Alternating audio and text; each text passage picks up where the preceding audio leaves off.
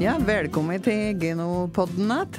I denne her episoden så skal vi prate mer om kalv, som vi også har prata om før, Rasmus. Ja, Jeg har hatt en podd om det tidligere. Ja, eh, men da prata vi litt mer om kalven fra fødsel og den første tida etterpå. Og denne gangen så skal vi gå mer inn på kalveoppdrettet fra avvenninga fram til at kviga kalver. Og her i studio er som vanlig, han dere så vidt hørte lyd av, budskapsredaktøren. Rasmus Langre. Og Mari Bjørke, kommunikasjonssjef i Geno. Og gjester i studio denne gangen, det er en eh, Knut Ove Hennum. Velkommen hit. Takk, takk. Du er veterinær med mange år i stordyrpraksis, og som nå jobber i Trine som rådgiver. Det stemmer. Ja. Og så har vi med oss en på telefon i dag, og det er en Knut Ingolf Dragseth. Hallo, Knut Ingolf. God dag, god dag. Og Du har òg praktisert i mange år, men en jobber nå i Geno. Stemmer det, ja. Ja. Og så sier oss det at akkurat som i andre slike serier som blir produsert, så skal Knut Ingolt nå gi oss i stutt tilbakeblikk på det viktigste som ble sagt i forrige episode om kalv, slik at vi har litt grann av sammenheng for den som ikke kommer i haug hva sa der, sjøl om det går an å høre på den igjen. Ja, eh, sist så snakka vi jo litt om kalven ifra, ifra fødsel og et lite stykke fremover, den viktige starten. Og det er klart at Da er det her med råmjølk som er, er hovedfokuset. Misser du på den, så, så skal det voldsomt mye arbeid til for å reparere at i ettertid. Så gi kalven nok råmjølk, og råmjølk til god kvalitet, og så raskt som mulig etter fødsel. Det er på en måte tre gode eh, kjøreregler å holde seg til der. Og Så begynner han jo å, å skal vokse. Den han er jo enmaga i starten. Eh, Det er egentlig to forskjellige individ når kalven er spedkalv og, og tar den greie utviklelse som drøvtygger. Men det er viktig at han har tilgang til både kraftfôr og grovfôr pluss vann samt mjølk når kalven er ung. Og han eter ikke så mye av dette, her, men både kraftfôr og grovfôr er viktig for å utvikle volma og få den raskest mulig over på billigere fôrslag. Og utvikle den som, som drøvtygger. Ja, og det er jo nettopp den eh, overgangen fra mjølk til eh, å klare seg på andre fôrslag som vi skal litt inn på nå. og Det finnes jo veldig mange oppskrifter på hvordan en skal eh, måter å gjøre dette på. og Du Knut Ove, hva anbefaler du? Ja, Hvis vi forutsetter at kalven er oppe på de mjølkemengder som vi anbefaler, altså et sted mellom 8 og 10 liter per dag, så skal du altså trappe ned derifra til ikke noe mjølk eh, over en viss periode. Og eh, for at ikke den overgangen skal bli for stressende og brå for kalven, så må den jo ta litt tid. Og mm, det bør jo være en gradvis overgang mellom å ernære seg på mjølk og ernære seg på drøvtyggerfòring. Og, og det vi ser er jo at sjøl på de mengdene mjølk som vi nå anbefaler, så tar jo kalven etter hvert opp bra med anna fôr, altså kraftfôr og grovfôr.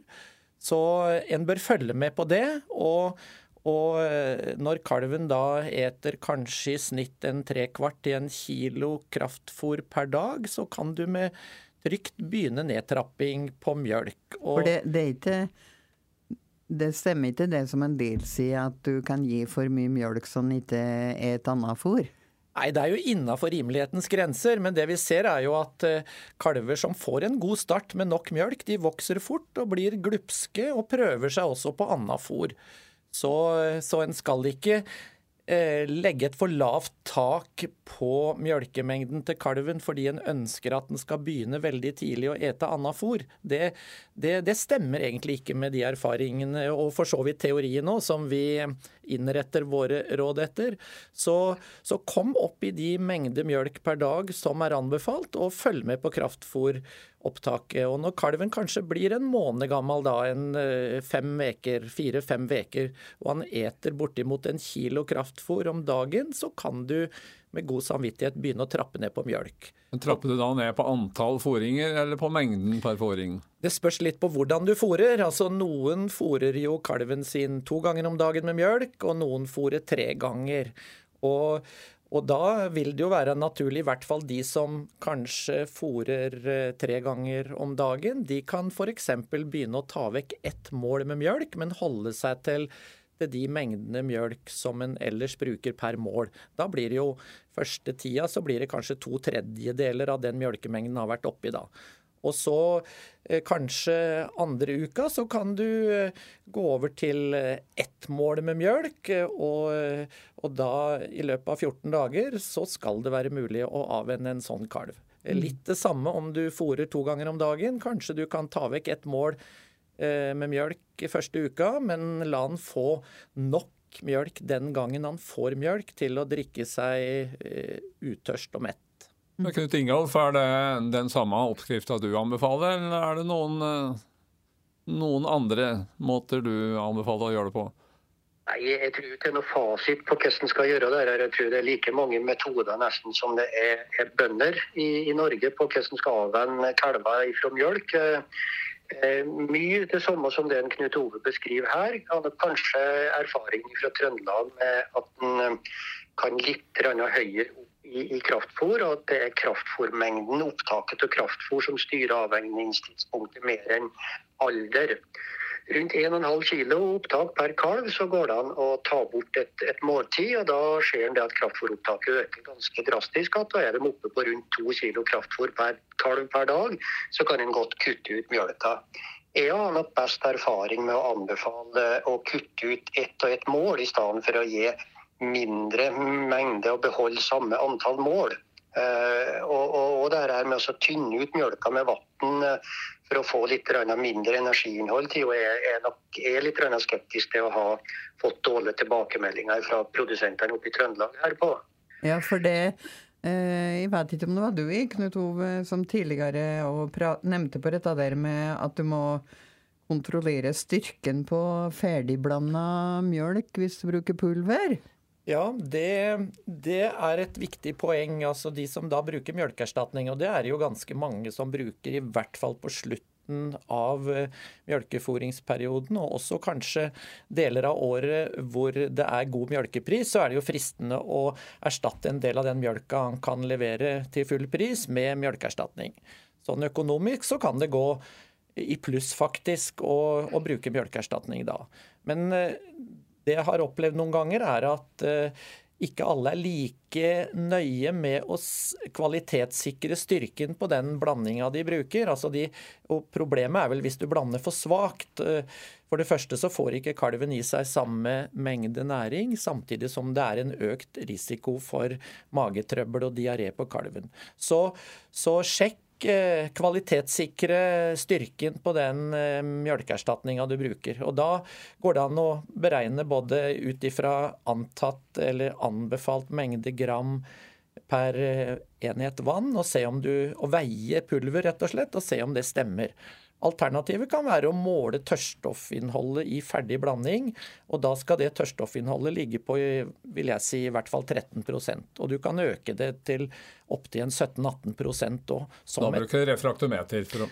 Da bør du ha hjelpemiddel til det, og da kan du bruke et refraktometer tilsvarende eller det samme som du bruker til å sjekke kvalitet på råmjølk. Ja, og Der, da er det noen slik omregningstabelle som skal til der, da, sikkert? Ja, det er en liten omregningsformel som stort sett følger med disse ulike refraktometera som blir solgt. Så du finner det i esken som, som, som refraktometeret leveres i. Ja. Der ligger den Og målet, målet, med dette her er jo at tilveksten da, på disse her kalvene skal være akkurat passe fram til eh, i hvert fall kviga skal insemineres igjen. Og hva bør tilveksten ligge på? Jeg vil si at i, hvis, hvis, du tenker fram til avvenning, da, så bør nok tilveksten i hvert fall være eh, over 800 gram per dag. Eh, men fra avvenning og fram mot inseminering så går det bra om man er litt, litt lågere.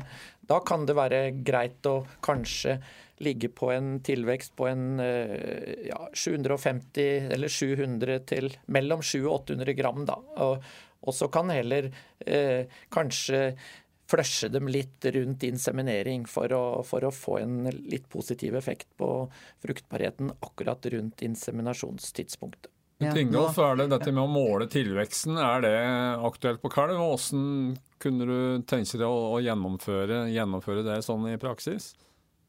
Det er veldig interessant å følge med tilveksten på disse kalvene og så se når er det de vokser og når er det de ikke vokser. En enkel og grei måte å gjøre det på det er å bruke brystmål, målbånd rett og slett. Eh, Og Man trenger heller ikke å måle alle kalvene. Hvis man f.eks. seg ut fem stykker i en gruppe som man tyr representativ for, for gruppa, så følger man dem og måler dem f.eks. hver tredje måned, sånn at du måler fem kalver i gruppa 0 til 3 måneders alder, fem kalver i gruppa 3 til 6 måneders alder osv., så, videre, og så, videre. så kommer du langt hvis du måler da 25 kalver fire ganger i året. Da får du ganske gode svar. Det er ganske interessant å se at det er litt forskjell på, på tilveksten om kalven er født på høsten den er født på våren. Eh, kanskje det har noe med, med beiteslipp og, og forholdene rundt der, at den er stor nok til å, å nyttiggjøre seg beite. Hvor dyktig man er til å følge opp dere kalvene med tilleggsfôr på beite. Og det aller viktigste er nok det at de kommer i gang tidlig som drøvtyggere. Tar opp godt med kraftfôr og, og godt med grovfôr allerede fra ung alder. Og For å få dem for å lykkes med det, få til godt grovfòropptak og kraftfòropptak, så er det viktig at dette er, er presentert på en appetittlig og hygienisk måte. Sånn her bøtter med kraftfôr og grovfôr lagvis nedover der du kan drive arkeologiske utgravinger og, og se på muggandelen nedover i, i bøttene, det, det er ikke noe særlig fristende. og Det, det fremmer ikke opptaket. Så få det litt opp, og få det de her fòrhekkene for grovfòr og de her kraftfòrautomatene der kraftfòret ryner etter hvert som kalven spiser, de er ofte gode hygieniske forhold uten at en trenger å knekke ryggen på arbeidet med, med dette her. Ja. Og Vann er jo en, en viktig del av det her, at det er friskt og godt å appetittlig vann. Det var, du har sagt før, jeg, at du skal ha slik vann til kalven at du kan drikke det sjøl. Ja, jeg mener egentlig det. ja. Det er ikke Ja. grunn til å ha dårligere krav til hygiene til kalven enn til seg sjøl. Nei, det er et viktig poeng, det. Nå skal vi eh, ta et lite innslag fra på Nordmøre. En eh, gårdbruker eh, som heter Sven, og kjerringa Jorunn Skar, er mjølkeprodusenter på Nordmøre. På en gard som ligger på Skarsøya rett sør for Hitra, og med ei kvote på 300 000 liter i år. Og her skal vi eh, høre litt om hva Sven sier om sitt kalveoppdrett til vår utegående reporter Turi Nordengen. Svein Skar. Jeg og Jorunn driver eh, i Aure på Nordmøre med ca. 35 kyr. Og da vil du at jeg skal snakke om eh, halmbingen min? Ja. Ja. Eh, det er to-tre år siden vi begynte med Jeg har kalvbokser fra de er født til de er ti dager. Da har jeg vendt dem av råmelk over på kald surmelk. Og da flytter jeg dem i en eh, ja, fire ganger fire meter eh, halmbinge med fri tilgang på kald surmelk. Og fri tilgang på musli kraftfôr. Og så legger jeg en hel rundball eh, halm oppi. Og de har den utover sjøl. Og samtidig står de oppå ballen. Og, og det skulle jeg gjort for 20 år siden, og ikke to år siden. Det funker så bra. Så. Ja, det er kjempebra. Ja, da hørte du en eh, Svein Skar. Han hadde veldig gode erfaringer med å ta kalva fra kalveboksen over en, en halmbinge. Og, og åssen skal vi egentlig tilrettelegge for eh, kalven etter at den er avvent, for at den skal ha et mest mulig optimalt miljø? Knut Dette vil jo, det, her jo finnes det for så vidt ingen entydig fasit som alle bør følge, men det er, det er noen sånn hovedprinsipper som en bør eh, følge, som for så vidt gjelder for kalveoppdrett eh, i denne aldersgruppa. og Det er jo at eh, eh, de ulike gruppene fortsatt ikke bør være for store. Altså eh, gjerne ikke noe særlig større grupper enn ti kalver i én fellesbinge eller i ei gruppe. Og så må det være en tørr og, eh, trekkfri liggeplass. Altså kalvene må holde seg eh, tørre og regne, Da, da er ikke temperaturen i omgivelsene veldig viktig. En kalv klarer seg godt ved 0 grader og ved 10 grader og for så vidt 15 grader.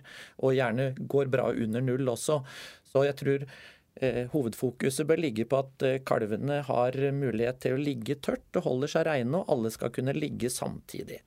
Og ha god hygiene i disse kalvebingene. Og, og klart, eh, når kalven skal eh, oppstalles under kalde forhold, om du vil, da, så kreves det noe mer energi for at kalven Så da tenker du på disse utehyttene? og- Utehytter, ja. altså da går, det, da går det per grad under ti grader som kalven oppstalles, så kreves det ca. 2% mer energi for å opprettholde tilveksten per grad eh, under 10 grader. Så hvis du sammenligner 0 og, 20, og 10 grader, så, så kreves det altså 20% mer energi ved null grader da, for å oppnå samme tilveksten. Mm. Og du, Knut Ingolf, du har prata om nestingfaktor. Hva er det for noe? Ja, reirfaktor på, på norsk. Ja. Eh, Det går litt på, på tykkelsen på liggeunderlaget, eller, eller på, på halmen som du har i som kalven ligger på. Og kan du si reirfaktor 1, da ligger hele kalven oppå underlaget. Reirfaktor 2, da ser du på en måte ikke de delene av føttene på kalven som ligger parallelt med, med gulvet. Reirfaktor 3 og opp, da, da er det på en måte bare de øverste delene av kalven som stikker opp når den, når den ligger. Så det går litt på dybden på strøet som kalven ligger på. Og jeg har jo veldig sans for uteoppstalling av kalv og for spedkalv ute i, i kalvehytta. Og de greier seg jo kjempegodt ute, sjøl i en, en trøndersk og en nordnorsk vinter. eh, Hvis de bare har solid og godt nok eh, underlag. Så da bør man nok sikte på en, en reirfaktor fra to og oppover for å kunne lykkes godt med det. Mm. nesting er jo eh, Om det gjelder fugl eller kalv, så er det viktig. Det, det ja, stemmer ja. det. Men, men bare en, en kort en ting Knut at det, kalven skal ha det trekkfritt, men kan det bli så trekkfritt at det blir dårlig luft? Altså Tenk på noen eh, i gode hensikter lager tak over liggeplassen, men eh, er det noen ting en skal være litt obs på der? På? Ja, det kan bli litt dårlig med luftutskifting under de takene. Tanken er jo god, og det er ofte en varmelampe oppi de takene, og så blir det så tett at uh, hvis en prøver å krype under der, så, så har jeg vært borti den plassen der det, der det svir godt i øynene og det river i hersen når en skal prøve å, å puste der, for det, det blir ammoniakk og, og det blir forurensning i, i lufta som ikke blir lufta ut.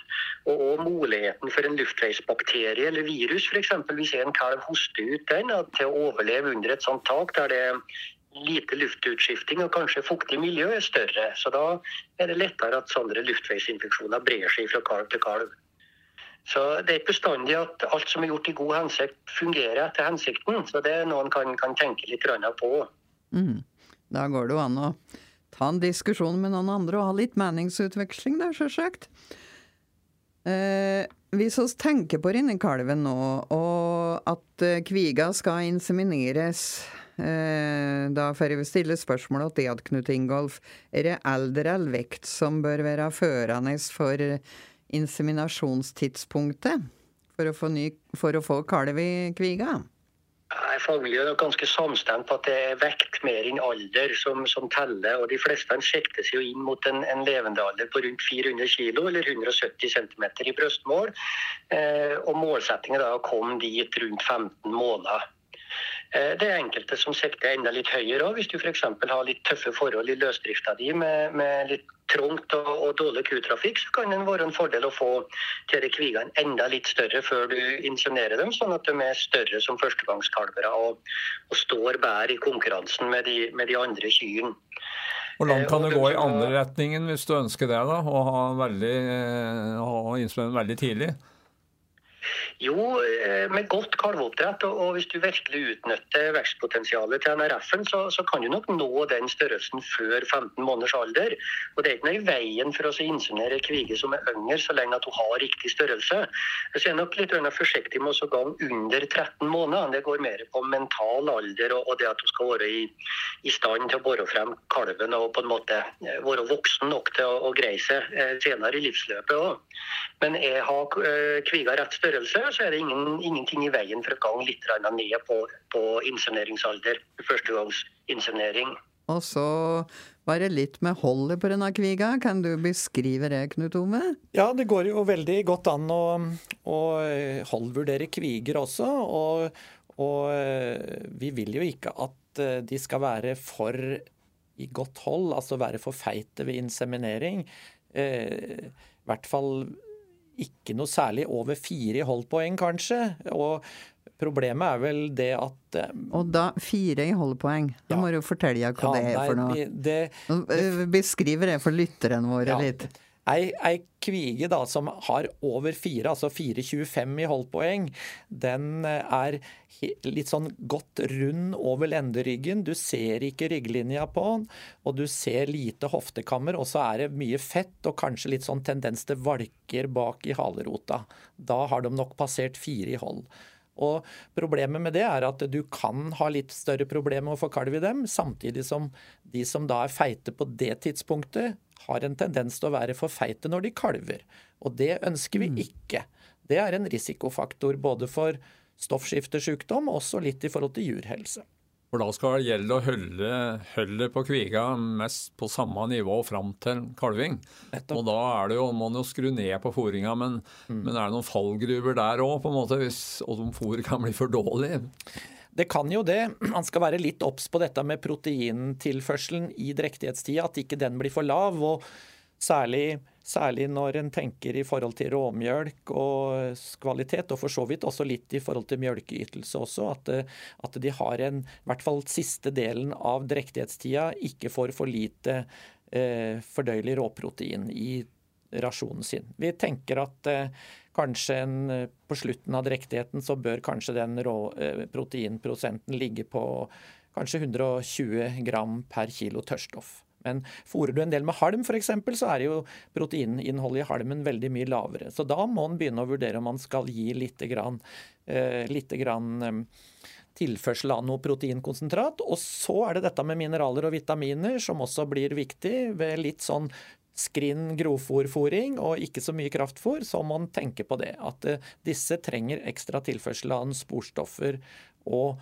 og noen uh, vitaminer. Energi blir det som regel nok av i, i grovfòret, samme nesten hva du bruker.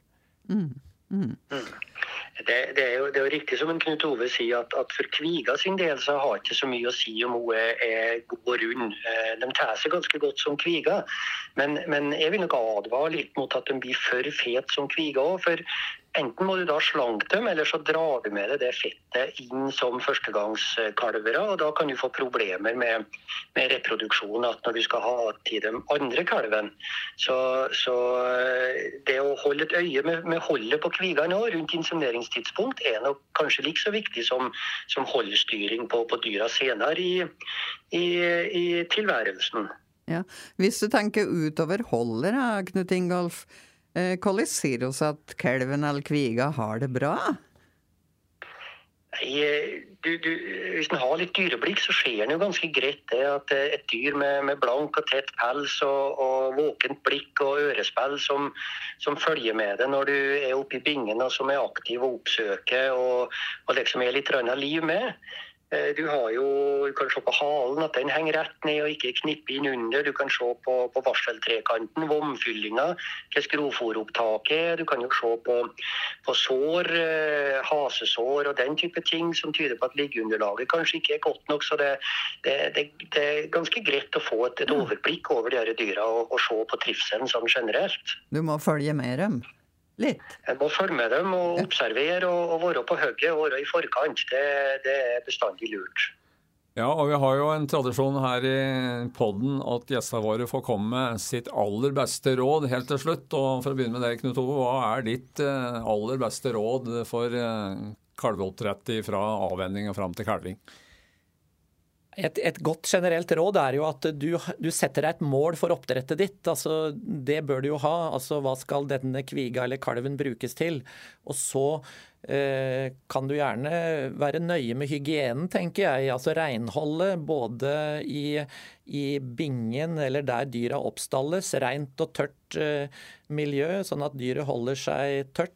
og og eh, være nøye med renhold også i fòrkrybber og, eh, og, eh, og dritt med drikke, drikkekar og renhold på drikkekar eller drikkesystem er også viktig. Og, og, og følg med på holdet, vil jeg si. Tilvekst og hold, det, det er nok et godt råd. Og Knut Ingolf, ditt aller beste råd? Utnytte det vekstpotensialet som NRF-kalven har tidlig i, løp, i, livsløpet. Da får du mye mer igjen for den energien som du putter inn i kalven i forhold til senere. Og så er det likere å bygge kalv enn å reparere ku. det var en eh, fin eh, avrunding, det. Takk eh, skal dere ha, både Knut Ove Hennum og Knut Ingolf Dragseth her i studio. Og takk til dere som hørte på. Og neste Genopod kommer som vanlig første onsdagen neste måned. Og da skal vi prate om bygg, Rasmus. Ja, da blir det. Det er mange som Ikke bygg-bygg, men å bygge bygg. Bygge bygg, ja. Og det er jo fjøsbygg da vi er opptatt av. Det er mange som er, mm. har planer om det. Mm. Ja. Så det blir jo spennende. Og du finner Genopodden på alle vanlige apper. Og du finner den òg på Geno sin hjemmeside. Og send oss gjerne spørsmål hvis det er noe dere ønsker oss skal ta opp. Og så ønsker dere lykke til med vår- og sommersesongen framover. Og minner dere om å holde våkent øye på kalv- og ungdyravdelingen, og ønsker dere alt godt.